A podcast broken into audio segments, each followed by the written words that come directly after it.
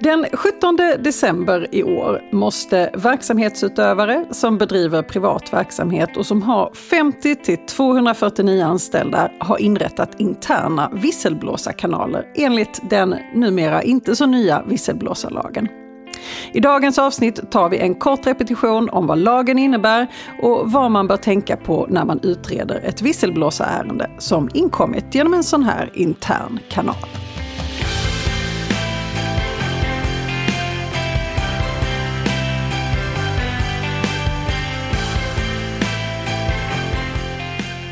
Hej och välkommen till Arbetsrättspodden. Podden för dig som verkar inom HR eller hanterar personalfrågor i din vardag. Jag heter Emelie Svensäter Jantorp och arbetar som advokat inom arbetsrätt här på Vinge. Och med mig idag har jag min kollega Tove Hallbäck som är specialist inom arbetsrätt här på vårt Malmökontor. Hej Tove! Hej Emelie! Vi pratar rätt mycket visselblåsarfrågor du och jag. Det har blivit så. Det har blivit så. Och eh, nu är det så, vi har ju faktiskt redan haft ett poddavsnitt tidigare rörande just visselblåsarfrågor. Varför ska vi prata om detta nu igen? Jo, för den 17 december så är det skarp deadline för verksamhetsutövare med 50 till 249 anställda att inrätta interna visselblåsarkanaler. Okej, okay, och det här förra gången vi pratade om detta, det var ja, något år sedan och då handlade det just om lite större arbetsgivare egentligen. Men nu breddas då eh, de här kraven till att omfatta då även mindre arbetsgivare. Precis. Men det är alltid spännande att prata visselblåsning, så det här, det här blir nog bra tror jag. Om vi startar här då. Innan vi går vidare på interna eh, rapporteringskanaler och utredning av visselblåsarärenden som ju är egentligen huvudfokus för dagens ämne då. Eh, vad handlar egentligen den här visselblåsarlagen om? Nej, men den handlar ju om att eh, skydda dem som vi då brukar kalla för visselblåsare, som larmar om oegentligheter på arbetsplatsen mot exempelvis repressalier från arbetsgivaren. Och det här skyddet är i sig inget nytt, men eh, nya visselblåsarlagen syftar till att stärka det skydd som fanns sedan tidigare. Och anledningen till det är att det har kommit ett nytt EU-direktiv om ämnet. Okej, okay. Eftersom det då handlar om information som man har kommit i kontakt med genom sitt arbete så är det ju en vanlig missuppfattning att det bara är arbetstagare som omfattas av den här lagen. Men eh, det är inte riktigt så, eller hur? Nej, utan faktum är faktiskt att eh, visselblåsarlagen är tillämplig gentemot en bredare eh, personkrets än så. Va, vad menar du då? Till exempel arbetssökande omfattas också av vissa krav eh, som gäller enligt visselblåsarlagen. Så att där måste man vara observant som arbetsgivare och tänka på eh, att man uppfyller kraven gentemot de som nämns i visselblåsarlagen helt enkelt. Är det något annat som är viktigt att komma ihåg också? Nej men det är också att fundera över eh, vad ett visselblåsarärende enligt lagen egentligen är. För det är inte så att varenda klagomål som man får in utgör ett visselblåsärende, utan det är vissa kriterier som man måste uppfylla. Så det är egentligen någonting som man måste titta på väldigt tidigt i processen då. Vad, är det ett visselblåsarärende överhuvudtaget? Eller är det någonting annat som vi ska hantera då på ett annat sätt? Ja, Precis. Och just när det handlar om visselblåsarärenden enligt visselblåsarlagen eh, så måste det vara ett eh, missförhållande som framkommit i ett arbetsrelaterat sammanhang som det finns ett allmänintresse av att det kommer fram. Alternativt att det handlar om eh, en typ av missförhållande som utgörs av ett handlande eller en underlåtenhet som strider mot, mot någon EU-reglering. Okej, okay, så egentligen så är det en hel del eh, alltså löpande HR-frågor som absolut inte ska in i de här systemen då? Nej, och det är ju det som är det svåra, att kunna avgöra vad som är vad egentligen. Okej, okay, men låt oss då konstatera att vi har någon form av eh, missförhållanden som kvalificerar sig eh, till då att eh, man ska eh, har rätt att eh, blåsa i visslan på det här sättet. Eh, hur ska man rapportera om den här typen av missförhållanden då? Det ska man kunna göra på tre olika sätt. Eh, via en intern eller extern rapporteringskanal samt vid offentliggörande.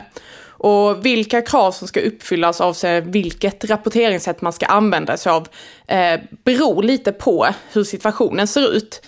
Till exempel så kan man säga att lagen är uppbyggd som en trestegsraket som innebär att grundtanken med lagen är att man först ska rapportera internt. Om det inte ger resultat eller av någon anledning, annan anledning inte är lämpligt, då ska man rapportera externt och i sista hand genom offentliggörande. Och, och, det låter ju faktiskt eh, ganska vettigt tycker jag. Men det är klart att då måste du ha eh, goda möjligheter att verkligen blåsa internt först. Eh, och vi tänkte ju fokusera mest på den här första delen som är då den första i din trestegsraket, eh, eh, de här interna rapporteringskanaler. Eh, nu har vi redan nämnt det, men jag tycker vi kan, eh, vi kan upprepa det en gång till. Varför är detta intressant just nu då? Nej, men det är ju på grund av den här deadlinen som kommer. Och eh, som vi nämnde tidigare så gäller ju det här kravet på interna rapporteringskanaler redan för bolag som har mer än 249 anställda. Och man kan säga att konkret så innebär den här skyldigheten att verksamhetsutövaren måste utse oberoende och självständiga personer eller enheter som tar emot rapporter, har kontakt med den rapporterande personen och att man följer upp det som har rapporterats och lämnar återkoppling till de här rapporterande personerna. Och det finns en del andra krav som man måste efterleva också, eller hur? Precis, man ska komma ihåg att eh, rapporteringskanalerna ska dokumenteras skriftligen. Man måste följa utsatta riktlinjer kring hur rapportering kan och ska göras. Man behöver helt enkelt informera om eh, vilka kanaler man har på arbetsplatsen och vilka personkategorier som får lov att använda sig av dem. Och man ska ju också komma ihåg att dokumentera rapporter som kommer in i enlighet med de riktlinjerna som anges i visselblåsarlagen. Så det är en hel del att tänka på. Dokumentation gillar vi ju. Det alltid dokumentera så mycket som möjligt. Så länge man följer GDPR förstås. Precis. Okej, okay, men det, det, är en hel del aspekter som man måste tänka på rörande själva upplägget kring kanalen. Hur är det med möjligheten att dela kanaler med andra? För det, det är en fråga som vi får väldigt ofta. Ja, och det är ju så att de här medelstora bolagen som vi brukar kalla dem, det vill säga de som har 50 till 249 anställda, får lov att dela interna rapporteringskanaler och förfarande med varandra. Och de uppgifterna som man får lov att dela är mottagande av rapporter och utredning av de förhållanden som har rapporterats. Men man får inte dela på själva kontakten med personen som har rapporterat. Och vad menar du då för någonting? Vad menar man när man inte får dela på kontakten? Det innebär helt enkelt att den par, eh, parten som man delar rapporteringskanalen med får inte lov att kontakta eh, kanske min anställd som har rapporterat om någonting, utan då ska jag som arbetsgivare ta kontakt med dem. Så man som arbetstagare så har man rätt att få eh, kontakten med någon som då finns inom det egna bolaget eller som är anlitad av det egna bolaget och inte direkt genom eh, det andra koncernbolaget eller den andra man delar med. Nej, det stämmer. Och eh, hur är det med eh, att anlita då externa aktörer som hanterar kanalen? Det går också bra eh, och vi ser ju det upplägget eh, väldigt ofta.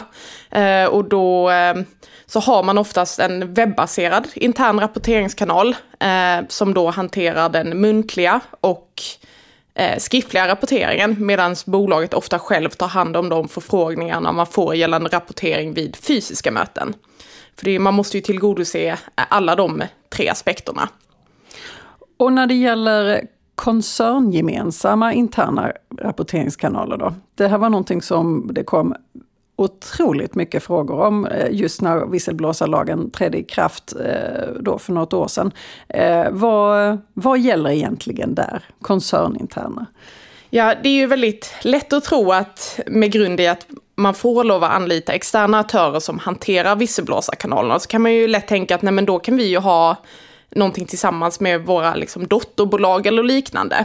Men så är det inte riktigt, utan EU-kommissionen har angett att ett moderbolag eller andra koncernbolag inte kan anses vara externa aktörer. Eh, och det beror helt enkelt på att man anser att de inte kan eh, agera oberoende i förhållande till vare sig koncernen eller det specifika bolag som de ska tillhandahålla rapporteringskanalerna åt. Men med det sagt så är det ju fortfarande tillåtet att ha koncerngemensamma rapporteringskanaler, men det får inte bara vara den kanalen som har implementerats för att uppfylla kravet som ställs av visselblåsarlagen. Så man, man, kan ha koncerngemensam, men det kan inte vara det enda sättet att eh, rapportera eh, ett missförhållande. Precis. Och vad ska man då tänka på när man hanterar ett eh, visselblåsärende som då kommit in via en sån här intern visselblåsarkanal? Nej, det handlar ju primärt om att man måste iaktta de lagkraven som finns. Eh, och till att börja med så har man ju som eh, rapporterande person rätt till att få en bekräftelse på att rapporten är mottagen inom sju dagar från det att man gjorde den. Så där har vi en specifik tidsgräns egentligen? Ja, mm. och det finns ju som alltid vissa undantag till den här regeln, men det är utgångspunkten i alla fall. Och här i det liksom initiala skedet så har ju också arbetsgivaren en skyldighet att omgående eh, vidta åtgärder för att man ska kunna inleda en utredning för att se om det finns grund för de här missförhållandena som har pekats ut i rapporten. Men att man eh, ska inleda det betyder inte att man behöver avsluta inom de här sju dagarna, utan den, den pågår så lång tid som den tar helt enkelt. Ja, precis. Mm. Såklart skyndsamt dock. Så då har vi, då har vi fått in en, eh, en rapport, vi bekräftar att den mottas inom sju dagar och vi eh, har också beslutat att vi ska titta lite närmare på omständigheterna. Vad gör man sen? Nej men man tittar ju då som sagt på, eh, stämmer det här som man påstår eller inte? Då så pågår ju den här utredningen och enligt lagen så har man en skyldighet att återkoppla till rapportören inom tre månader från det att rapporten gjordes.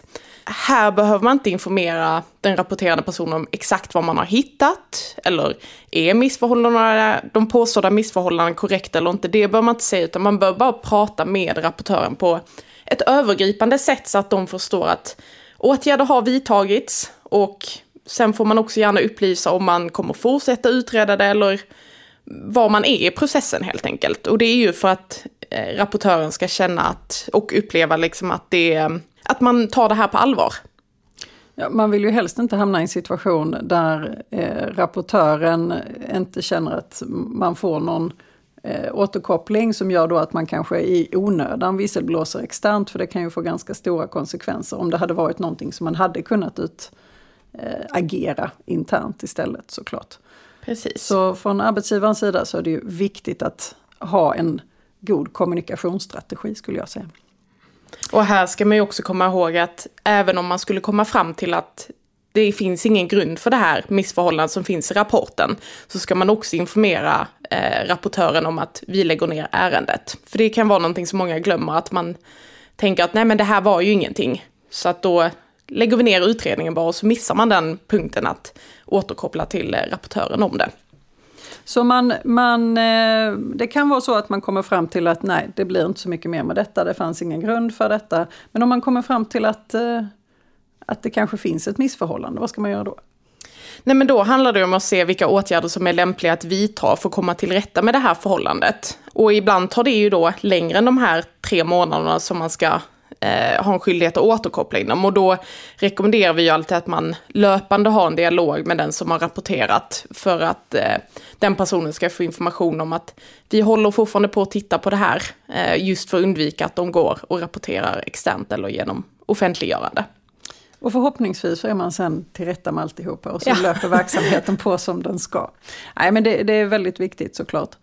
Vi var inne på detta lite tidigare men jag vill ändå bara lyfta det för det, det är väldigt viktigt att rätt saker hamnar i visselblåsarkanalen. Eh, för det är en fråga vi ofta får eh, när man då använder en rapporteringskanal kanske på ett fel sätt. Det är snarare så att man använder den som klagomål eller någonting som eh, det är inte så att man nödvändigtvis klassar detta då som visselblåsarfrågor. Eh, hur tänker du att man hanterar den typen av, uh, av klagomål? Alltså när det gäller andra typer av klagomål så är det ju viktigt att ta även dem på allvar för oftast utgör de ju indikationer på att det är någonting annat i verksamheten som inte står rätt till och då är det här ju ett gyllene tillfälle faktiskt att komma till rätta med även dem för ibland så är det ju så att ledningen inte vet om att det finns vissa svårigheter. Så man ska även plocka upp information som inte nödvändigtvis eh, helt enkelt kvalificerar sig som ett visselblåsärende. Utan ja. nyttja det man får in. Och då behöver man inte titta lika strikt på de här lagkraven, men även kommersiellt så är det ju alltid bra att återkoppla till den som har rapporterat någonting och berätta att man håller på att utreda och vad som händer med ärendet. För att det skulle man ju själv också vilja veta om man eh, klagar på något helt enkelt. Jag tänker avslutningsvis så är det ju alltid bra att veta vad händer ifall jag inte gör som eh, jag ska då. Eh, det finns nu då från och med eh, den 17 december ett krav på att den här interna kanalen ska vara på plats då även för de här medelstora bolagen. Så vad händer om man inte riktigt är färdig då? Nej, då kan ju tillsynsmyndigheten, tillsynsmyndigheten, vilket i det här fallet är Arbetsmiljöverket, förelägga arbetsgivarna att fullgöra det här lagkravet. Och det kan man också förena med ett vite. Eh, vi vet inte riktigt hur stort vitet kan bli i nuläget, men vi misstänker att de kommer vilja eh, ta i lite för att säkerställa att verksamhetsutövarna faktiskt eh, fullgör det de ska. Tusen tack för det Tove, det får bli våra avslutande ord. Tack själv! Dagens gädda. Se till att ha en bra informationsplan på plats så att du kan se till att den rapporterande personen får rätt information i rätt tid.